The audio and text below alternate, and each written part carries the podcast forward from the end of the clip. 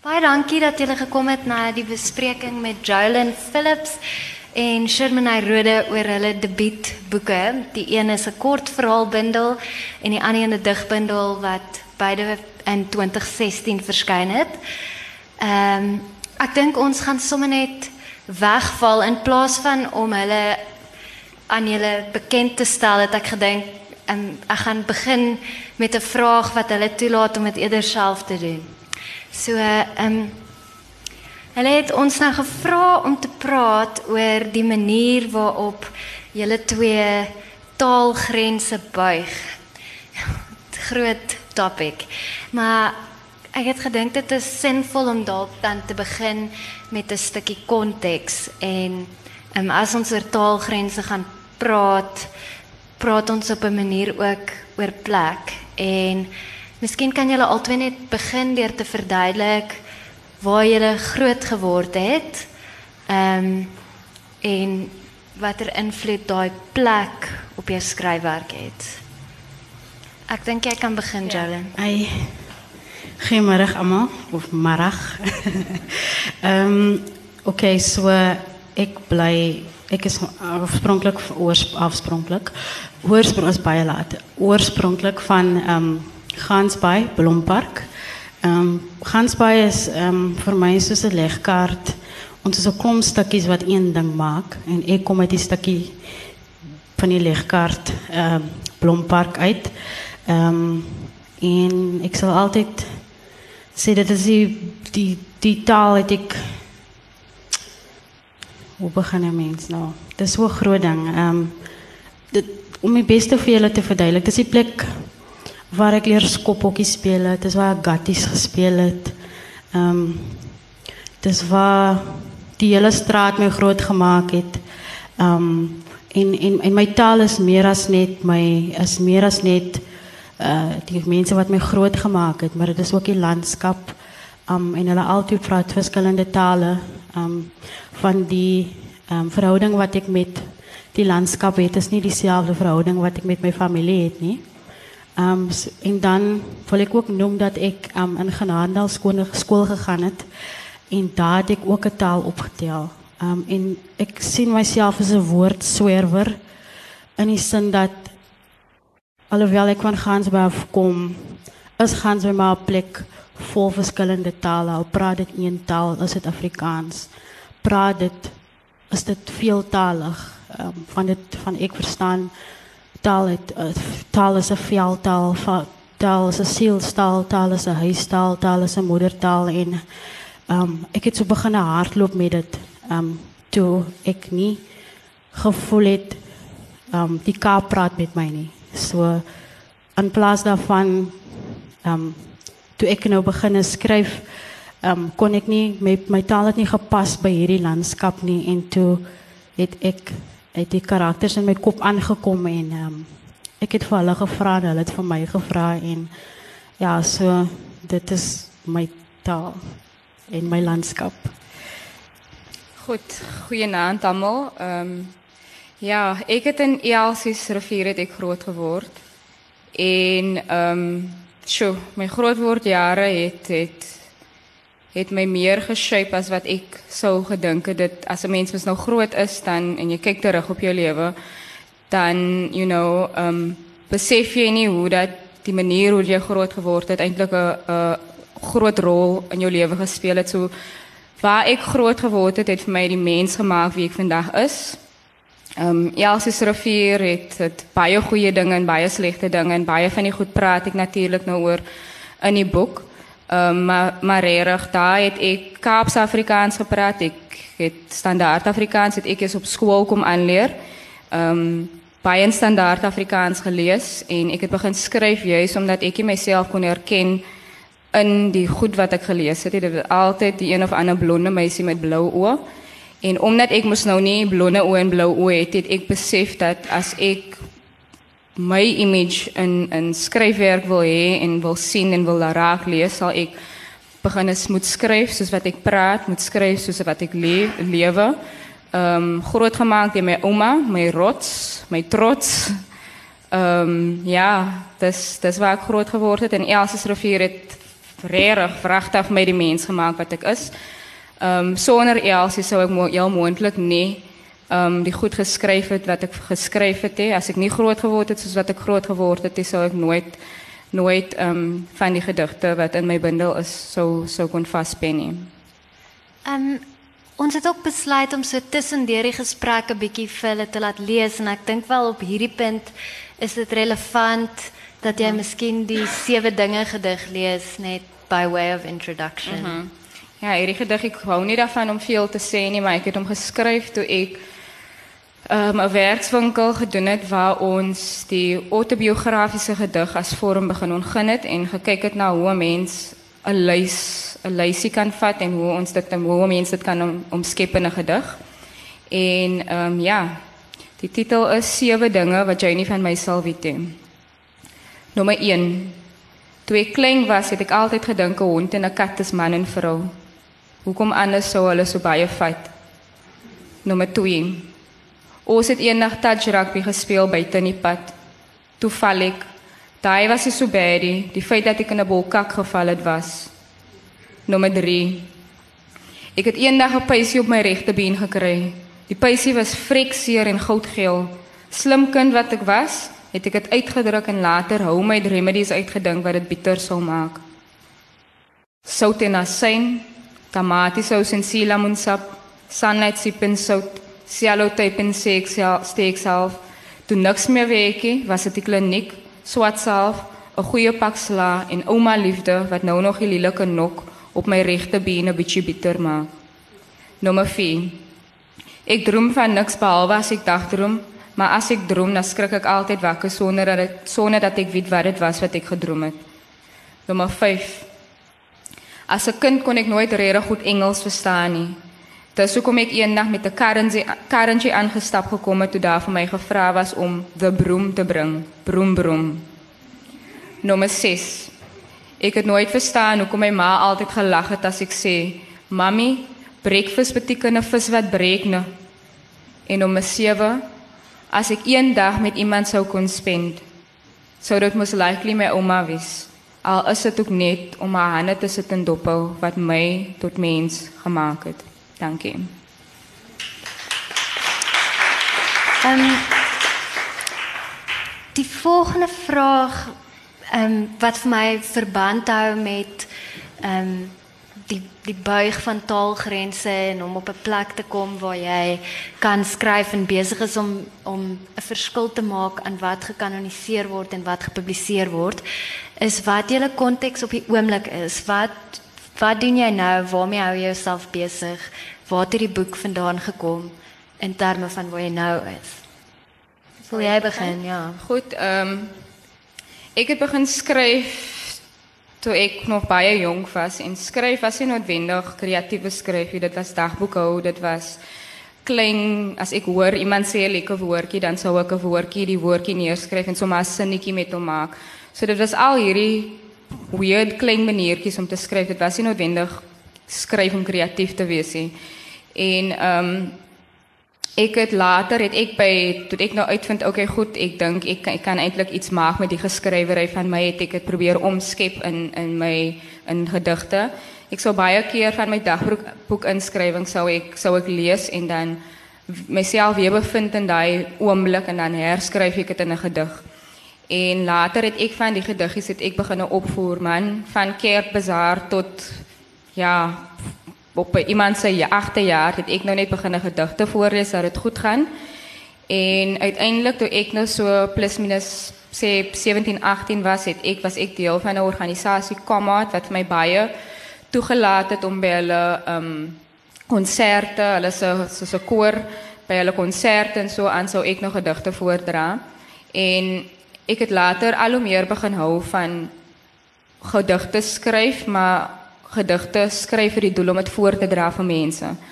En ehm um, ek het vir jare, seker so plus minus 7 6 jaar het ek um, ag 6 7 jaar het ek ehm um, performance poetry gedoen waar ek na poetry gigs toe gaan en hierdie gedigte wat ek skryf live vir mense voordra.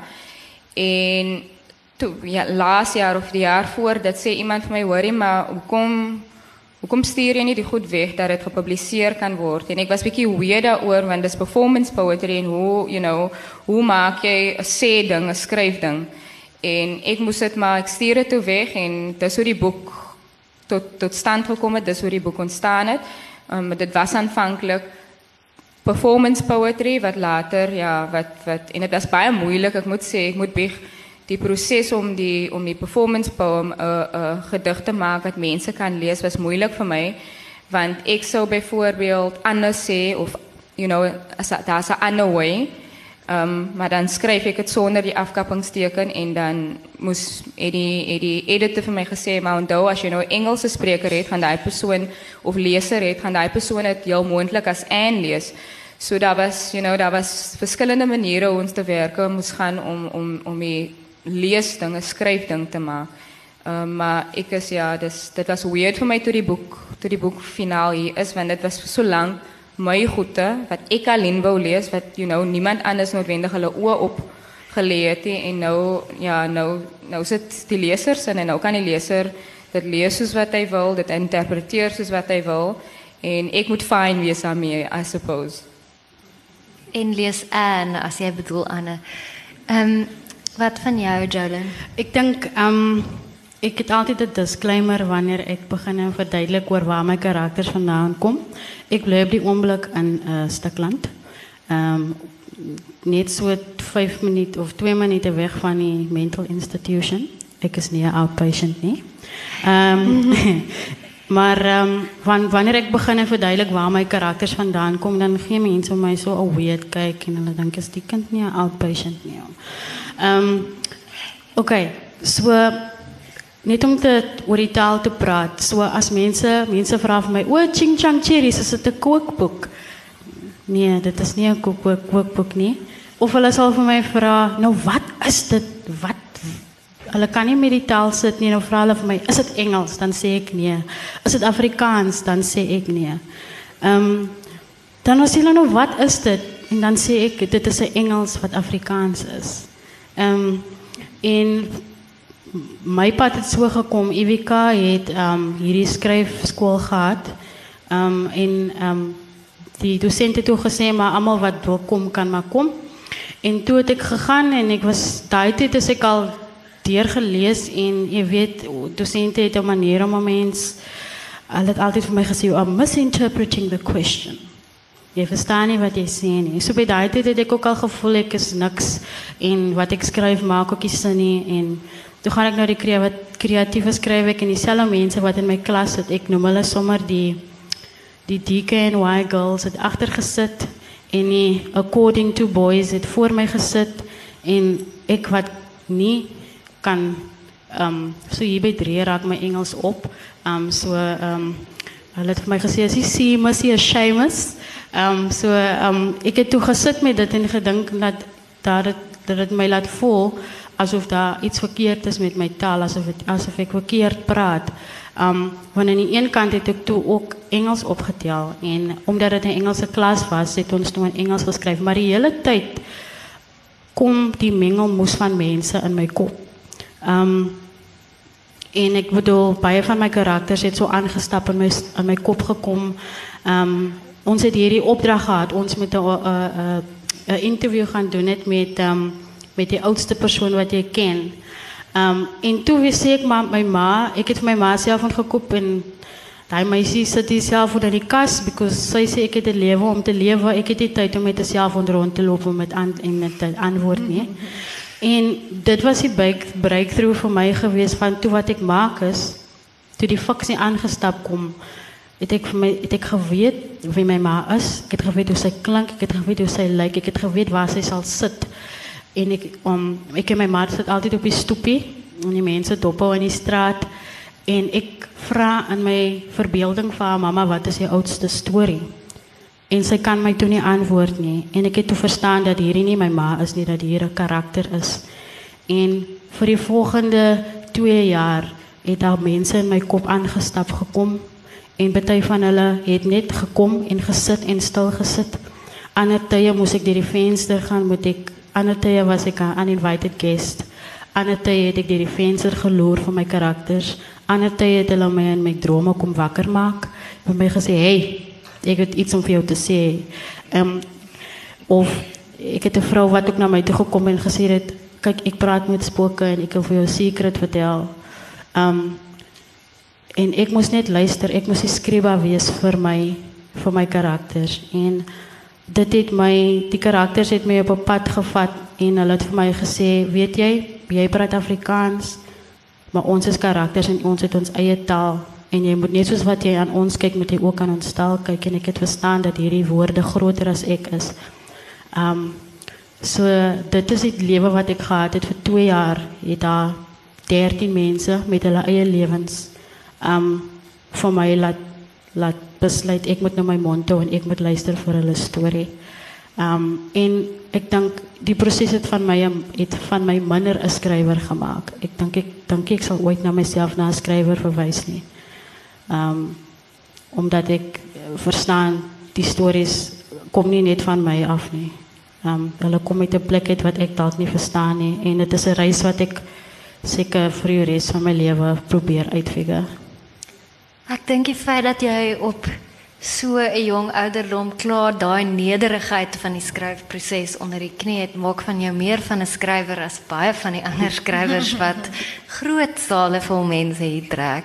Maar eh Jalen, ek dink op daai noot sal dit dalk ehm goed wees as jy uit the big box uit voorlees en as ek 'n pointer kan gee vir nie hoe om te luister nie, maar net punt wat ek graag wil maak met die voorlesing is net regtig dat toe ek die boek gelees het, het ek dit koud gelees. Ek het nog nie 'n resensie of enige iets um, van dit gelees nie en die eerste ding wat ek vir iemand daaroor gesê het is die boek is in Engels, maar dit lees dan soos Afrikaans. Die ritme is Afrikaans, die tekstuur is Afrikaans, maar die woorde is Engels. Hoe What sorcery is this? Ehm um, so ek wil graag hê jy moet 'n stukkie lees dat ons kan hoor hoe dit klink en dan kan ons miskien 'n bietjie praat oor hoe jy dit gedoen het. Okay.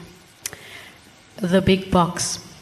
Between Kolgan Street and Strandloper Street stood a hill. A person could almost see the entire scheme from the hill. If only old Patras did not decide to go and build his house there, and on top of that, build a high and mighty wall around it. After that, that hill seemed to belong to him alone. People stopped going to visit after he made that hill his, and also because of that heavy tongued wife of his. She gossips about every living being in the scheme, or so the sisters at church tell me. Then there was the outside leaven tree. Everyone in Khalyun scheme reckons that Patray should rather have built himself a toilet inside because everyone in those days pissed outside or in a bucket that you had to dettle and chuck to fix the smell. I mean, if he was going to show off with his money, he might as well have shown off with an inside leaven tree. No one else had toilets in the scheme those days, so either he liked to piss outside or he built it for the queen. But that's that is Patrice's trick. He worries about no one. He's very to himself. He thinks he's better than everyone. His high and mighty tricks actually started when he bought that red Toyota Bucky in 1986 and started smoking. He, that is Patrice, might a money and all of a sudden the children wore new clothes and shiny shoes. But no one will forget that December when he came driving down the road with a big box on his Bucky. Because Patrice was a smoker, we all expected to see his Bucky with fruits and vegetables. But that day he had a big box. He pulled, into, he pulled it into his yard. I saw him ordering his two sons around, ordering them to help. Even his wife helped. They knew the neighbors were watching, but they paid no attention to the curiosity. After they loaded the box into the house, we barely saw Patrice and his family outside. Patrice made liquor profit because people wanted to find out what was in the box, so they would take more on the book than necessary. He wouldn't even tell the pastor's wife. When she asked him what contraption is on his bucky, he replied, Husse met lang ore.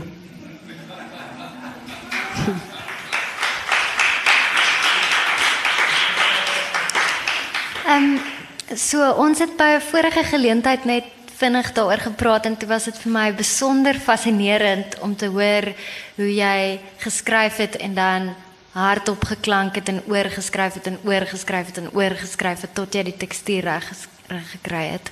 Ehm um, voel jy kan jy meer daaroor uitwy? Ehm um, so ek het die stories in Afrikaans geskryf. Um, dit het gekom met 'n um, ek het hierdie boek deur Andre Prebrink gelees. Um, mapmaking was die boek se naam en hy het hierdie uh, klomp um, opstelle geskryf waar hy al in die 80's begin praat het oor hoe sal die taal nou lyk like, soos dit vandag is en hy het dit genoem 'n hodgepodge of languages en hy het gesê dit gaan so die mekaar spul wees van tale hy het gesê en ek het vir myself gesê ek voel dit die mekaar spul tale. Ehm um, en toe het ek dit in Afrikaans geskryf, um, maar ek het ook 'n musikale ehm um, agtergrond en ook 'n vertalingsagtergrond want ehm um, um, ehm um, ge, gelees oor culture specificity, specificity waar jy nie die die die target language, die source language en die ta, en die target language het nie. Jy vat die kultuur en jy vertaal die kultuur aan 'n ander kultuur aan. Um, en ek het dit van myself verstaan en ek wou daai taal van vir my gaan dit net oor skryf nie vir my gaan dit altyd oor die taal en hoe ek myself um identifiseer in 'n taal want ek glo ek breek die taal om altyd vir myself 'n nuwe taal te vind. En in musiek um soos by byvoorbeeld 'n uh, 'n musiek word geskryf in 'n C major maar nou uh, kom iemand en hy sê nee, maar ek kan nie in C major skry 'n uh, uh, sing nie. Ek kan dit in een een een minor doen, soos die minor van C major. En hulle noem dit you know transposing. So ek het verstaan wat dit was. Dit was dieselfde ding, maar net in 'n ander key. Um en dan het ek hardop gesit. Ek het dit eers in Afrikaans geskryf, maar dan het ek dit hardop en dan in Engels geskryf en dan het ek dit hardop, maar ek het nie agter die woorde aangeskryf nie. Ek het agter die ritme aangeskryf. En as die ritme vir my gesê het nee, dan het ek geweet ek moet 'n Afrikaanse woord hou. As die ritme vir my gesê het nee, dit moet so dan het ek dit in Engels geskryf totdat ek op die taal gekom het wat van ek het ook toegeleer hier hierdie proses dat taal ook 'n karakter is. Dat baie mense verwys na uh, die karakter of die storie maar niemand kyk regtig na die na die uh, taal as 'n 'n fiksionele instrument in in die werk nie. En kort stories laat mense toe. Ek weet Rihanna Skeper skryf ehm um, so lank as wat daar skrywers sal wees wat in die kort storie ehm um, vorm skryf, sal hulle die reëls breek. Want daar's geen resep vir hoe mense ding doen nie. En ek het ook vir myself gesê ek sal skryf tot wanneer ek my stem en my ritme kry. So dit was asof ek 'n bietjie meer gekompose het as wat ek geskryf het, want ek het agter die ritme en die klank aangeskryf eerder as die storie. Toe ek die storie klaar geskryf het. Ehm um, jou boek is grootliks in Kaaps geskryf mm -hmm. en ek dink op hierdie noot kan ons miskien die ander twee gedigte wat jy wil voorlees ehm um, vir ons lees. En dan kan ons bietjie verder praat oor die Kaaps in die boek. OK, um, goed. So dan lees ek vir julle Childhood op die vlaktes en hierdie gedig het ek geskryf vir my broer wat op die 26 September 2006 ehm um, wie se lyk ek moes gaan uitken. Ehm um, ja, ek gaan nie veel daaroor noem nie, maar die gedig is opgedra dra aan hom. Dis onder my ouma se onderrok in die kombuis waar ek geleer het geleer, geleer het hoe die reuk van Abriani en koolkos se gedagte van 'n honger mag kon stil maak, kon stil streel. Dis op die hoek waar hulle vir Kleon doodgeskiet het soos 'n hond. 'n Hond sonder ma of 'n pa of broers se susters wat sou omgee. Ons het omgegee. Ek het omgegee. Dis op hy selfe hoek waar hy geleer het hoe 'n mens moet haloop. Kaal voet kroeskop snot nies moet haloop. Haloop vir jou liewe as die 28 en die 6 die piece breek. Dis wanneer die Tima met reise takshop by geleer het om Pac-Man te tokkel tot my palm sok nat gesweet is van die rooi joystick. It lees as our games op safe. Dis in die kode waar ek geleer het om touch rugby te speel soos 'n maar mannetjie wyfie. Toe Cleo nog gelief het en ek crazy puppy love gehad het vir Eddie. Eddie van Antiboa, hulle huise weg van ons af. Dis by die busstop waar die karre afduis na Sasol toe waar ek geleer het geleer het hoe die beeld van my ma my gat vier warm geneek het omdat dit halfpad 1 in die oggend was. Nou sit ek op varsity. Dik geleer van die Cape Flats Flats real life adventures en nou moet ek leer. Leer van Bastian Fielding se definitions van wat ABC is. Leer van horizontal, vertical en truncated multilingualism. Ek bly kan leer. Is my net die Cape Flats Sy het my ook geleer. Sy het my groot gemaak.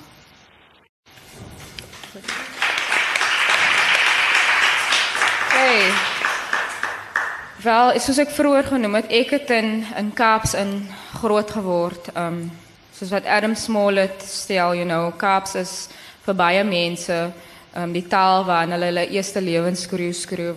You know, dis die taal wat hulle uit hulle ma se borste uit sê.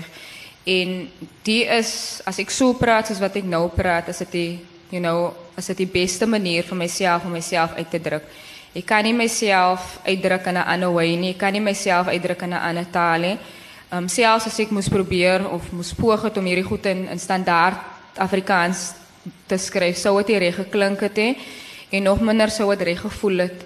Ehm um, en so vir daai simple reason is hy is goed in Kaaps geskryf en dit wil Kaaps wees, you know, my goed wil hy dit wil hy enigiets anders wees. Dit wil Kaaps wees, dit moet Kaaps wees en dit behoort so.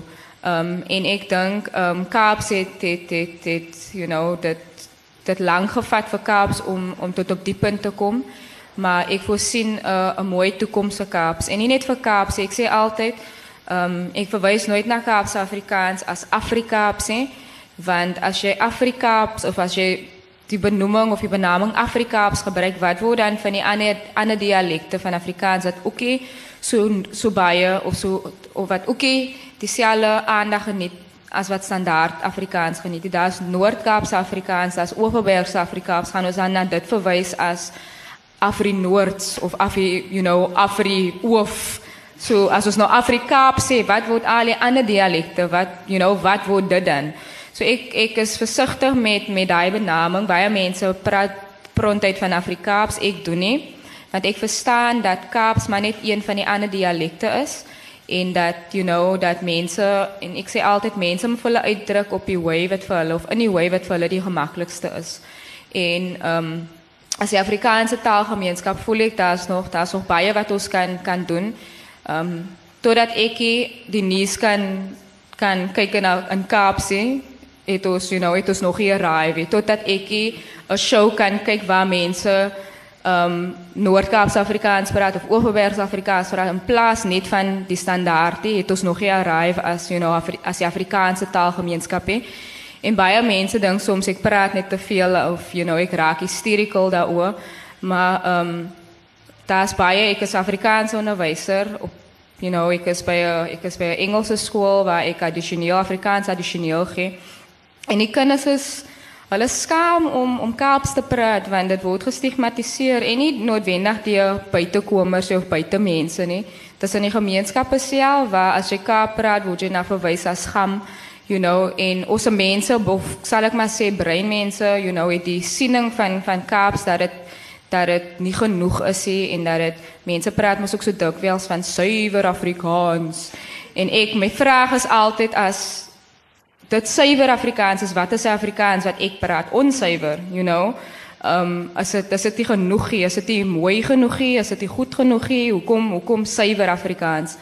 Um en ek wou net nog sê dat ja das das kinders op die Kaapse vlakte wat wat al hoe meer en al hoe minder Kaaps wil begin praat en eerder Engels wil praat en selfs ouers wat al hoe meer hulle kinders in Engels grootmaak as gevolg van die stigma.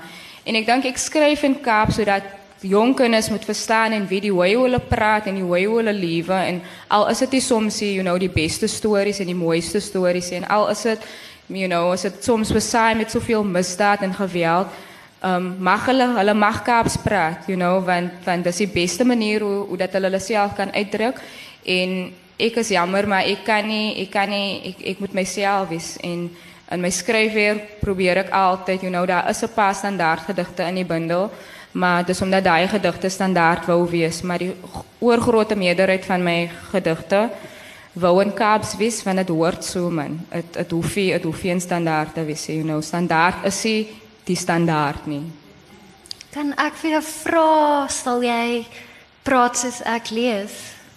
OK, doen so. Ek dink dit is 'n baie mooi opsomming van alles wat jy sopas gesê het. Okay, hierdie gedig het ek um smal opgedra omdat hy omdat ek toe ek as kind vir die eerste keer sy werk onder oë kry, toe sien ek uiteindelik my mense raak want die mense lyk soos my mense in Lousebos en die mense praat soos my mense en dit vir my regtig trots trots laat voel oor, oor wie ek is en wat ek is en hoe ek praat. Um, en ek dink dis dis een van die groot redes hoekom ek hierdie vir hom opgedra het. Praat soos ek praat. As ek my mond oopmaak en lostong praat soos ek praat, dan kyk hulle my aan asof ek educated is. Nie. Sometimes as ek lus het, praat ek maar liewer soos ek moet praat as ek met die first years praat.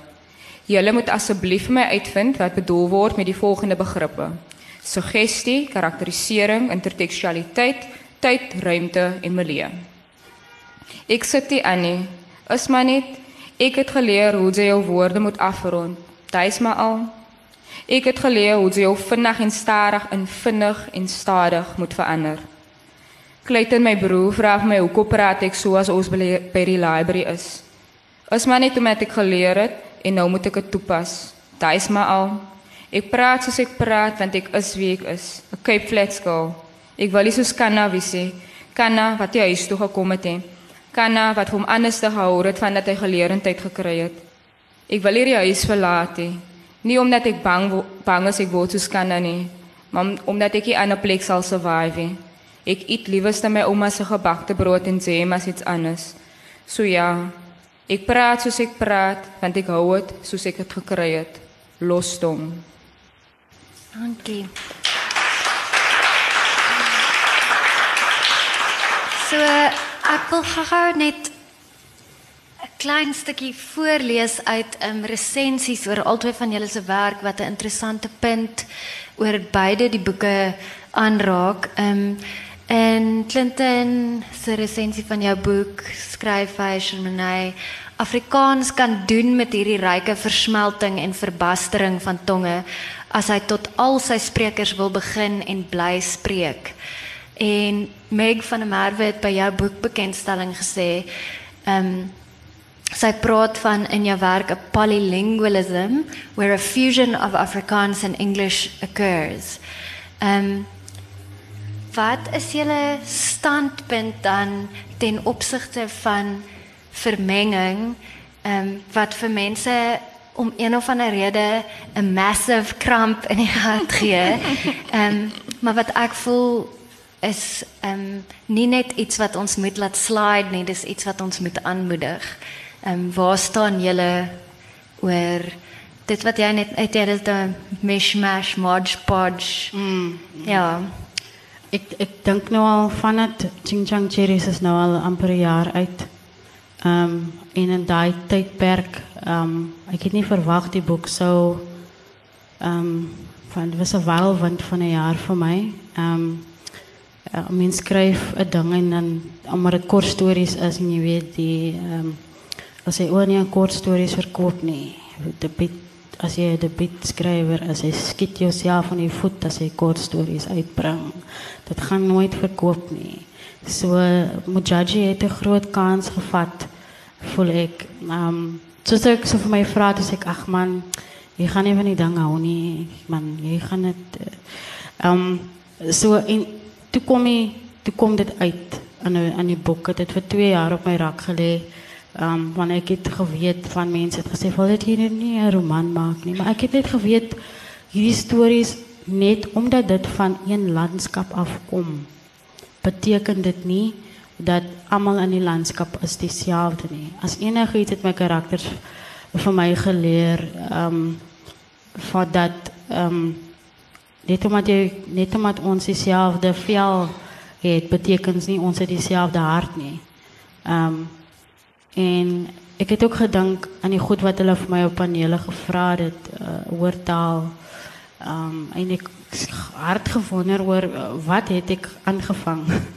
um maar ek dink ek het 'n uh, uh, hoe noem mense de angs opgetel by by hoe me, hoe party mense die taal aanvaar het. Die angs was twee goed. Die angs was ehm um, hulle het dit nie verstaan nie. En die ander angs was, maar wat maak 'n mens met dit? Ons het nie uh, weet, ons het nie boksies wat ons kan tik vir dit nie. So waar plaas mens dit nou? Wat is dit?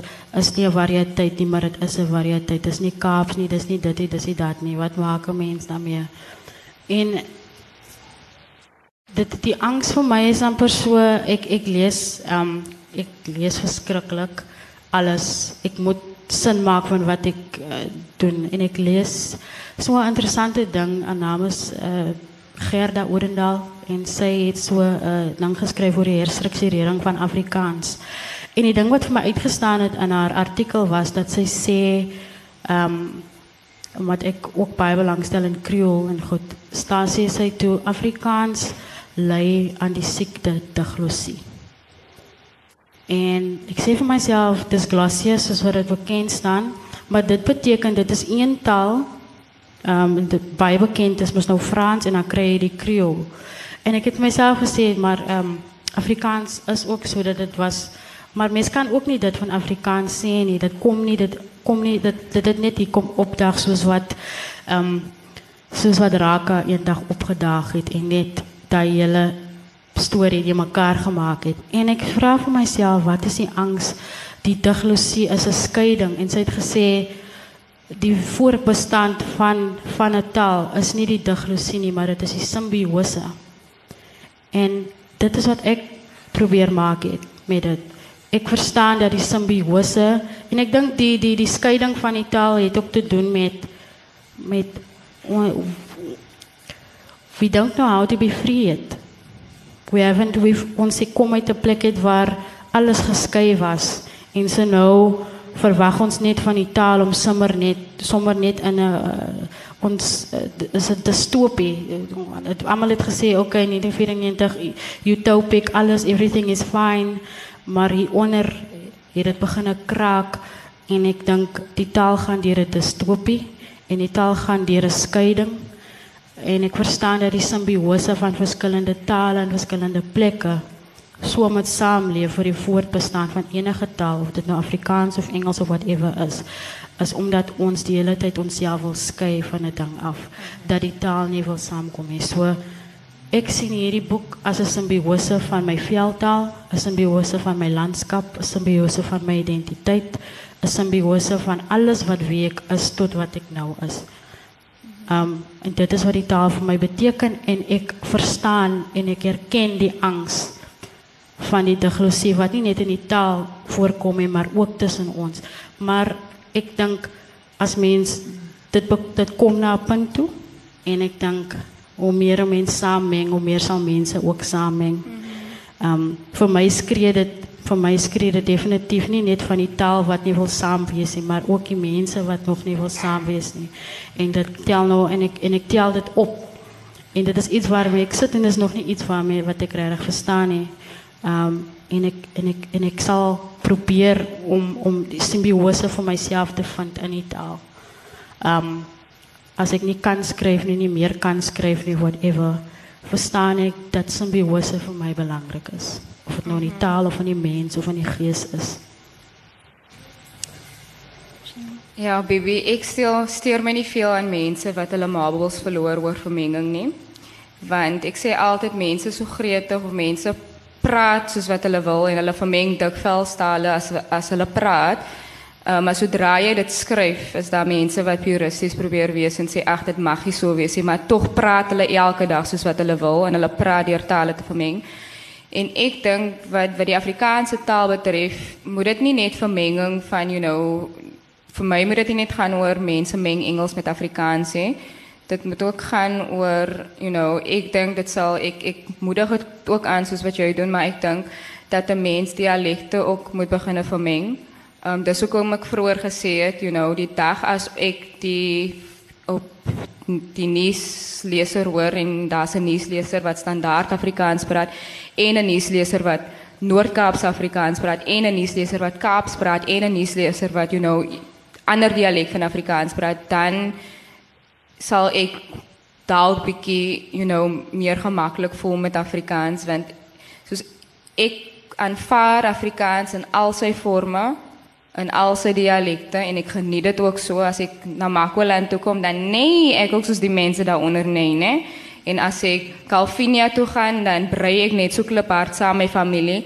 Um, so ek ek geniet Afrikaans en ek kan vaar Afrikaans um, in al sy vorme en die dag as ons op die punt kan kom waar ons vir ons kinders leer dat daar nie net een ding is wat reg of eens een vorm van Afrikaans is wat reg is nie en dat om 'n bietjie van alles te gebruik oukei okay is, dan ehm um, dan is ons you know dan dan is dit 'n 'n goeie beeld van Afrikaans. En tans is Afrikaans vir my bietjie eensydig. Oral in al sy hoë funksies is dit is dit net die een ding en dis iets wat vir vir my as Kaapse spreker um, met familie van die Noord-Kaap en met familie in Namakwaland en met familie wat Afrikaans op soveel different ways praat is dit altyd you know 'n 'n 'n feeling van home nie, 'n feeling van you know dis ek sê altyd ek het 'n love hate relationship met Afrikaans. Soms is ek so lief vir ander kere haat ek dit vir vir vir you know waar dit waar dit tans nog is. Ek weet nie of ek sin maak nie. Maar ek dink die dag as ons you know dat dit net praat van vermenging as vermenging met Afrikaans en Engels, maar vermenging van dialekte dan dan you know ons moet tot op tot op daai punt kom waar mens een storie lees, maar jy lees vyf verskillende tipes Afrikaans in een storie. Ehm um, ek weet nie julle doen op 'n manier dieselfde ding maar in speelbeeld van mekaar. So jy skryf in 'n gemengde Afrikaans en jy het Engels gaan meng met ehm um, met Afrikaans in plaas van Afrikaans gemeng met Engels. Uh dit voel vir my dit is 'n geneigtheid van Afrikaanse mense om ontstel te raak oor taalvermenging en nie soveel Engelse mense nie. Was daar mense wat jou aangespreek het oor die feit dat jy Engels verbaster of um, is dit net iets wat gebeur as mense in Afrikaans skryf en dit dan met Engels verbaster? Ehm um, ek wil eers noem dat ek nie van die woord verbaster hou nie. Ekskuus. Ehm um, um, Ja, maar ek is baie sensitief oor ehm um, die woord baster. Ek gou 'n storie mm. vertel. Mense hulle vir my sien as hulle vir my sê van 'n makwala. Ag, as jy van nie as jy van ehm um, se naam ehm ehm ehm Namibia. En sê ek sê miskien is my voorvaders daar, maar hoekom vra jy? Toe vra ek eendag vir 'n ehm um, vriendin maar hoekom van huis van 'n mobie toe vra ek maar hoekom vra mense vir my want ek het die hele tyd gedink ek is van Gansbaai en ek voel ek lyk soos die mense van Gansbaai nie vra almal net Kaap vir my of ek van 'n mobie is. En toe sê vir my nie maar jy lyk soos daai pastors wat daar in sok op mond ek sê wat se goed? Hy sê pastors hulle is morsige dinge. Hulle is hulle is hulle is man. En ek kon dit nie verstaan nie. Um so um En ook ik wil ook noem dat ik zei nou de dag van iemand, ik wil, voor mij, ik wil mijzelf bijna graag een Afrikaner noemen. Maar die Afrikaner en die Afrikaanse taal, als je verwijst naar Afrikaner, is het, is het zo klein geworden dat het niet naar één soort mens verwijst. Maar in die Engelse taal, sê, in die Engels sê I'm an African. Maar in Afrikaans kan je niet zeggen ik is een Afrikaner, vooral niet ik niet want 'n Afrikaner het sekere het 'n sekere het het 'n vel en 'n en, en klere en skoene en 'n landskap waaraan die woord gebind word. So ek ek sit met die taal soos ek ek vir myself 'n Afrikaner noem. Maar as jy kan jou nie self nie Afrikaner noem nie, hoe durf jy jouself 'n Afrikaner noem? Maar in die Engelse taal sê dit is 'n African en dan sê hulle ja, yes, I In Engels sê ek I'm an African, maar ek kan nie in Afrikaans sê ek is 'n Afrikaner nie. En wat is dit? Wat is daai wrywing? Hoekom en dit is nie Engelse skuld nie. Dit is dit is Afrikaans wat nog nie plek gemaak het vir daai woord om homself te herstruktureer nie, om homself te reimagine, om homself te onthou en ek sit nou 'n wat noem mense dit 'n koppelteken So nie onthou soos in onthou nie, maar ek sit 'n koppelteken tussen die woord om onsself te onthou nie, om onsself oor te onthou nie, om onsself om daai daai woord het nog nie die kollektiewe identiteit geword van alle Afrikaners nie. Ik weet niet of ik die vraag beantwoord heb. Nie. Ek dink jy het mens mens wil net nog 12 13 opvolgvrae vra. Um, heel eers soos hoe wat doen ons wat moet ons nou doen? Wat moet ons nou doen as ons hier uitstap om Ik denk, ruimte ja, te en, is, maak? en die ding van panelen is mensen sit hier zo. En voor mij is dit een baie utopic ding hier. So, ik zit hier en ik praat oor die Afrikaans. En mensen like, ons moet een plan maken. Je weet, morgen, morgen, ja. En allemaal sê ja in de naam van Afrikaans. Prijs Afrikaans, je weet, in ons klauwe handen. En dan stap ons hier buitenkant uit. En ons gaan terug naar ons taalruimtes toe. En ons los alles net hier zo. Um, en hulle het gesê jy nou aktivis van Afrikaans. Dis ek ja, ek kom van 'n vissersdorpie af, is seker maar reg. um, maar vir my is dit net ek het besluit die rede hoekom ek Engels ook gebruik het was want wat gebeur het was ek het 'n vrou van Oos-Afrika het na my toe gekom en vir my gesê sy het die boek baie geniet. En sy wil ook nou baie graag Afrikaans. Sy het nie gesê sy wil nou baie graag Engels leer nie. Sy het gesê sy wil nou baie graag Afrikaans leer omdat die taal vir haar so sit soos wat sy dit praat. En ek dink Ching Chang Cherries is ook ja, van die die die storie self is nie net oor 'n ou wat wurms grawe by die hawe nie, maar dit kom ook uit 'n metafoor uit want hy verloor sy taal hoe meer um, die ander karakter vir hom 'n ander taal aansê.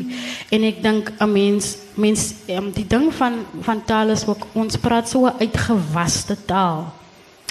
Um soos um, baie goed wat ons sê en die spreekwoorde en ek het vir myself as ek praat soveel tale wat vir my gegee is, maar ek maak nie moeite om vir myself tale te skep nie.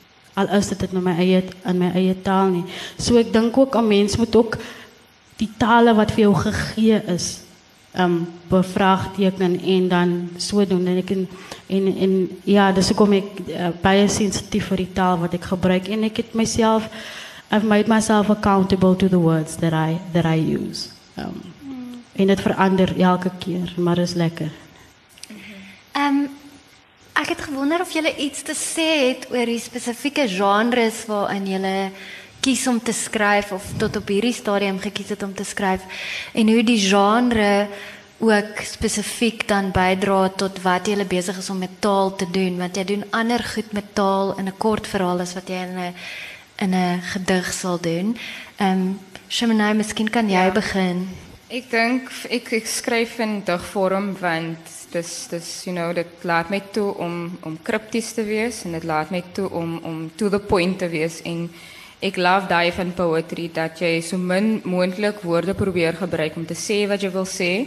Ehm um, ek het al ek moet bietjie ek het al probeer om om bietjie te you know te werk aan ander goed. Ehm um, kan nie sê ek het dit al reg gekry nie. Ek probeer nog.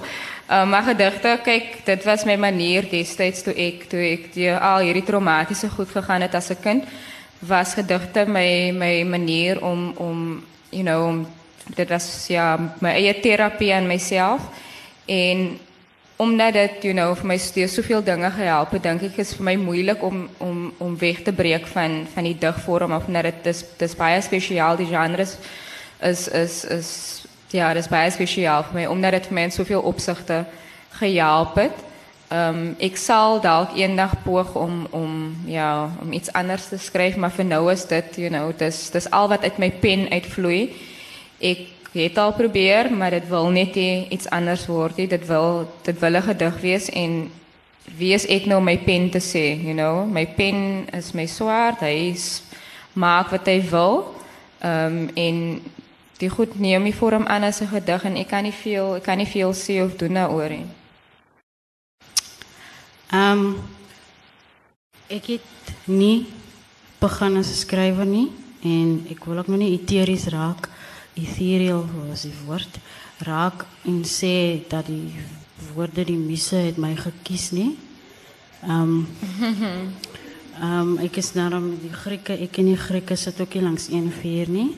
Maar ek wil sê uh, ek het skryf het ek nie ek het nie begin, ek het nie opgestaan en gesê ek is 'n skrywer nie. Dit het met bietjies begin.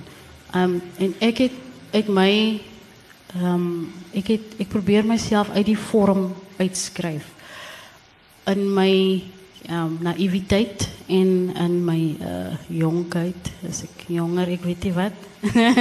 um ek verstaan op die oomblik dat ek moet net skryf en die vorm sal homself vind. Um um so ek ek gaan nooit in 'n ding in en dan sê ek jy moet nou 'n kort storie wees nie of jy moet nou 'n uh, um 'n gedig wees nie.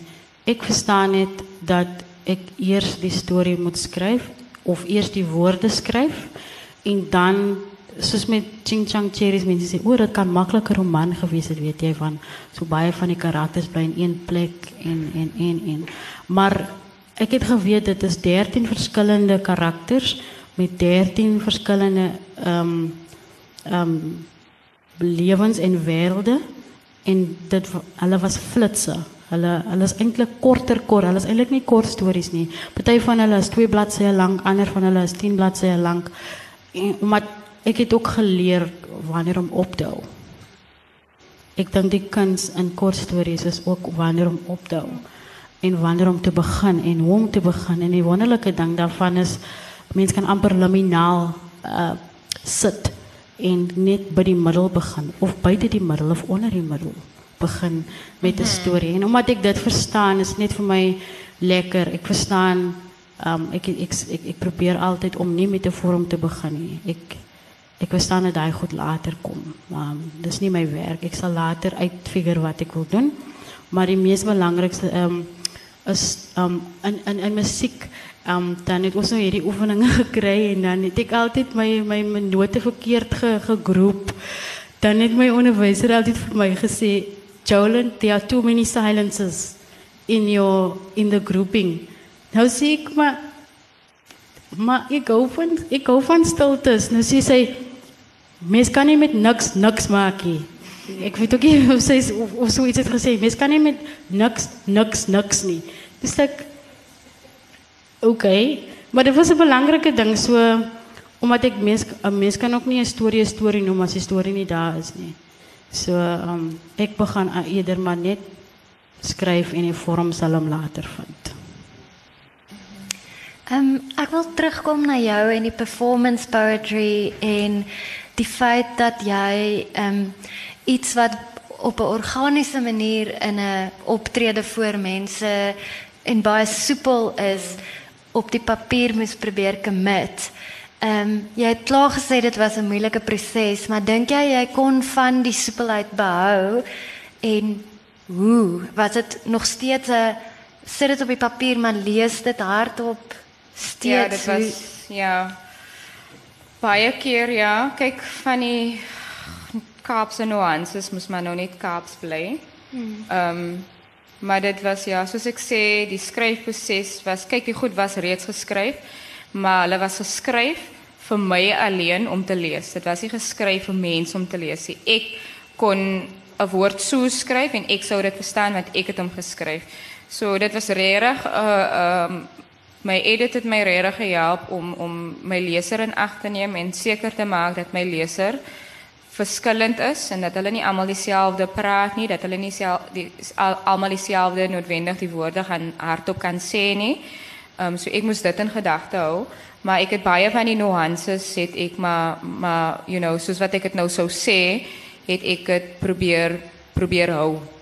Um, Kaaps byvoorbeeld ek praat nie van 'n lemoen nie, ek praat van 'n lamoen, so lamoen wil lamoen wees. En dis maar dis maar hoe dit is in die in die bundel. Ehm um, skryf anders om as jy primêr op papier en dan voel ek altyd wanneer ek dit voordra dat iets verlore gaan dat mens nie ehm um, die digtheid wat ek op die papier kan ehm um, word dit oorgedra as ek dit hardop lees nie. Voel dit nog soms vir jou anders om as jy jou gedigte op 'n papier sien, voel jy maar mense het nou nie dieselfde hier uitgekry as wanneer hulle jou sou Beslis, beslis ek dink ehm um, ja, niks sal vir my, ek het dit al genoem, niks sal vir my mm, die feeling top van voor mense staan en jou you know jou gedig vir hulle lees nie. Daar's net vir my persoonlik is daar niks wat wat sal kan compete met dit nie. So dit voel baie keer nog nog andersom. Um, en ik besef ook dat mensen, iemand heeft mij gezegd, worry, dalk moet jij proberen om een serie samen met die boek uit te brengen, waar jij het zelf leest. Maar voor mij is het niet, you know, um, je kan ook nog niet alles voor iemand op, op een skinkbord geven. Jong, figure het uit. Um, dalk zal het julle bietjie leer om, you know, die lezer bietjie leer om bietjie nader te komen aan, aan Kaaps. Als hij het zelf hardop moet zeggen, Okay, nie limoenie, lamoen. Nie limoenie, lamoen. Okay, so so so dalk bring dit die leser bietjie bietjie nader na na my wêreld toe. En dit is ook fyn, you know, dit is dit ek dink dis nodig. Ik denk definitief een CD waar jij dit leest en dan die B-side is die tutorial waar jij die standaard Afrikaners leer om dit te lezen. Nee, Dat is- bietjie, nie nie, bietjie. Bietjie. Sê dit weer, skryf dit uit, skryf dit 12 keer uit. Ehm, uh, ek wil nou by julle albei ek ek hoop dat almal wat aan die gehoor sit, het 'n gevoel gekry ehm um, vir wie julle is as skrywers en ek hoop dat dit hulle vrek opgewonde maak want ek dink julle is op pad na net soos massiveness. Is dit 'n woord? Ehm um, maar julle maak my opgewonde en ek wil weet waaraan werk julle nou? Waarna kan ons uitsien? Waaroor gaan ons volgende jaar praat as ons hier sit? Come on, uit daarmee. Jy eerste, kom. Jy Jy daarmee. Jy het daar's dinge in die pipeline. Uit daarmee. Sjoe, ek weet nie, mense is so bang om iets te sê. Ek is baie bygelowig. Um, ek is so bang. Ek sê 'n ding en dan val Touch daar- wood net nie, terwyl jy dan val daar 'n klavier op my kop. Ehm um, jy's okay. so um ek is 'n um, professionele um boemelaar. Wat beteken ek het baie grade, maar ek maak nie baie geld nie. Um en dan sien ek ook myself um so my familie is nie eintlik baie impressed met my dat ek geskryf het nie van hulle soos waar is die geld? En toe sê ek vir hulle, is die geld? En toe sê hulle, toe sê die anker vir my, nou Oh, nou hoeveel maakt zij nou probeer ik van verduidelijk. Ik zeg, weet je wat nou? Ik vier straten. Ik maak meer dan zij. Dank je. Um, so daar is die gedeelte van mij. So ik zie mezelf als een woordzwerver en ik probeer maar mezelf van daar, maar eindelijk professionele student ook. Um, en um, ik het, ik denk ik mag het zeker maar zeggen. Jy mag. Um my digbundel kom uit.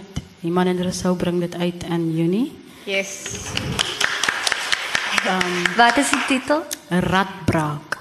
Dis die titel se naam. Um soos julle gehoor het, ek het ek ek ja, ek gaan niks sê nie. So um werk nog 'n oomblik daaraan en dan doen ek ook my doktorale studies by die Universiteit van Wes-Kaapland. Um waar ek fokus op die epiek. Um en um ek ja, dis wat ek doen. Basically I'm living the life of a nerd that doesn't get paid. Klink great. Is uh, is daar kans dat ons vir Ching Chang Cherries in Afrikaans gaan sien op 'n stadium? Weet jy, ehm die daar's twee ek die uitgewer het gevra dat ek dit in Afrikaans wil uitbring, maar as 'n gedeelte van my wat voel ek wil dit nie in Afrikaans uitbring nie. Ehm ek dink hy moet vir 'n tydjie ook boast in sy rokkie wat hy nou het. Ehm maar daar is planne om vir Ching Chang Cherries in Afrikaans uit te bring, maar Ek wil, ek weet nie, moet ek dit moet ek dit vertaal, moet iemand anders dit vertaal? Ek dink dit is nie nie dat ek dit nie in Afrikaans wil uitbring nie, dit gaan oor die vertalingsproses mm. en of dit ek moet wees en wie dit moet wees en hoe Ja. dit gaan lyk en wat dit gaan wees. So as ook meer daar's meer vrae as anders. Ja, so, dit, dit is nie so maklik soos wat dit ek gedink het dit sou wees nie. Ek het al begin en toe het ek gestop want toe weet ek o nee ja, jy moet Ek dink jy was net te bang jy maak te veel geld. Oké, ehm ek het toe ek nou hierdie manuskrip wegstuur, het ek jong, ek sê vir julle dit was 'n vat en gryp situasie. Ehm um, ek het baie gedigte oor die jare geskryf en ek het regtig net van hulle so gehandpick um, om te kyk wat sou nou meer, wat sou nou 'n samehangende bundel maak. En hierdie gedigte wat hier in is, het ek nou gevoel, okay, goed. Julle sal nou almal mooi kan inpas onder die titel van nommer 20 die Hafiestraat. Maar daar is nog nog vele ander gedigte wat nou op 'n vel papier eers lê. Ek het so Morawiese, jammer, die woord Morawiese sê ja, um, ek kortliks vertel, ehm um, my een van my Virginia Davids het koorleier van Come On. Sy het altyd gedink die woord Morawies is die is die korrekte woord vir Moorse. In die konteks en ek dink die die Morawiese kerkmense sal bitterlik bitterlik ontsteld wees as hulle dit moet hoor. Maar nietemin ek het so 'n groot file um waar ek jong en van die gedigte is is gedigte wat ek in die stem van van regtig toe ek, toe ek nog bloedjong tiener tiener was, het ek geskryf ander gedigte het ek geskryf toe ek op varsity is en ek begin dink al hoe meer dat ek ehm um, hulle weer so sal moet handpick en hierdie keer meer want mense kla dat dit so ja, eel bundeltjie so kort kort bundeltjie is.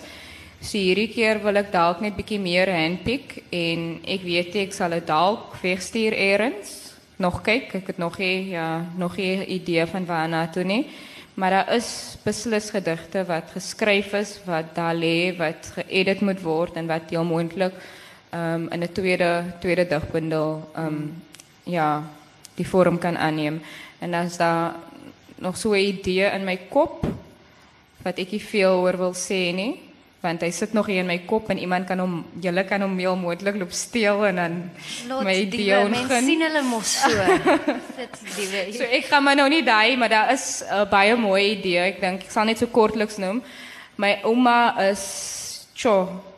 Daai vrou is 'n walking flippin ja, sy is history op haar eie. Vragtig was sy sy history boek op haar eie.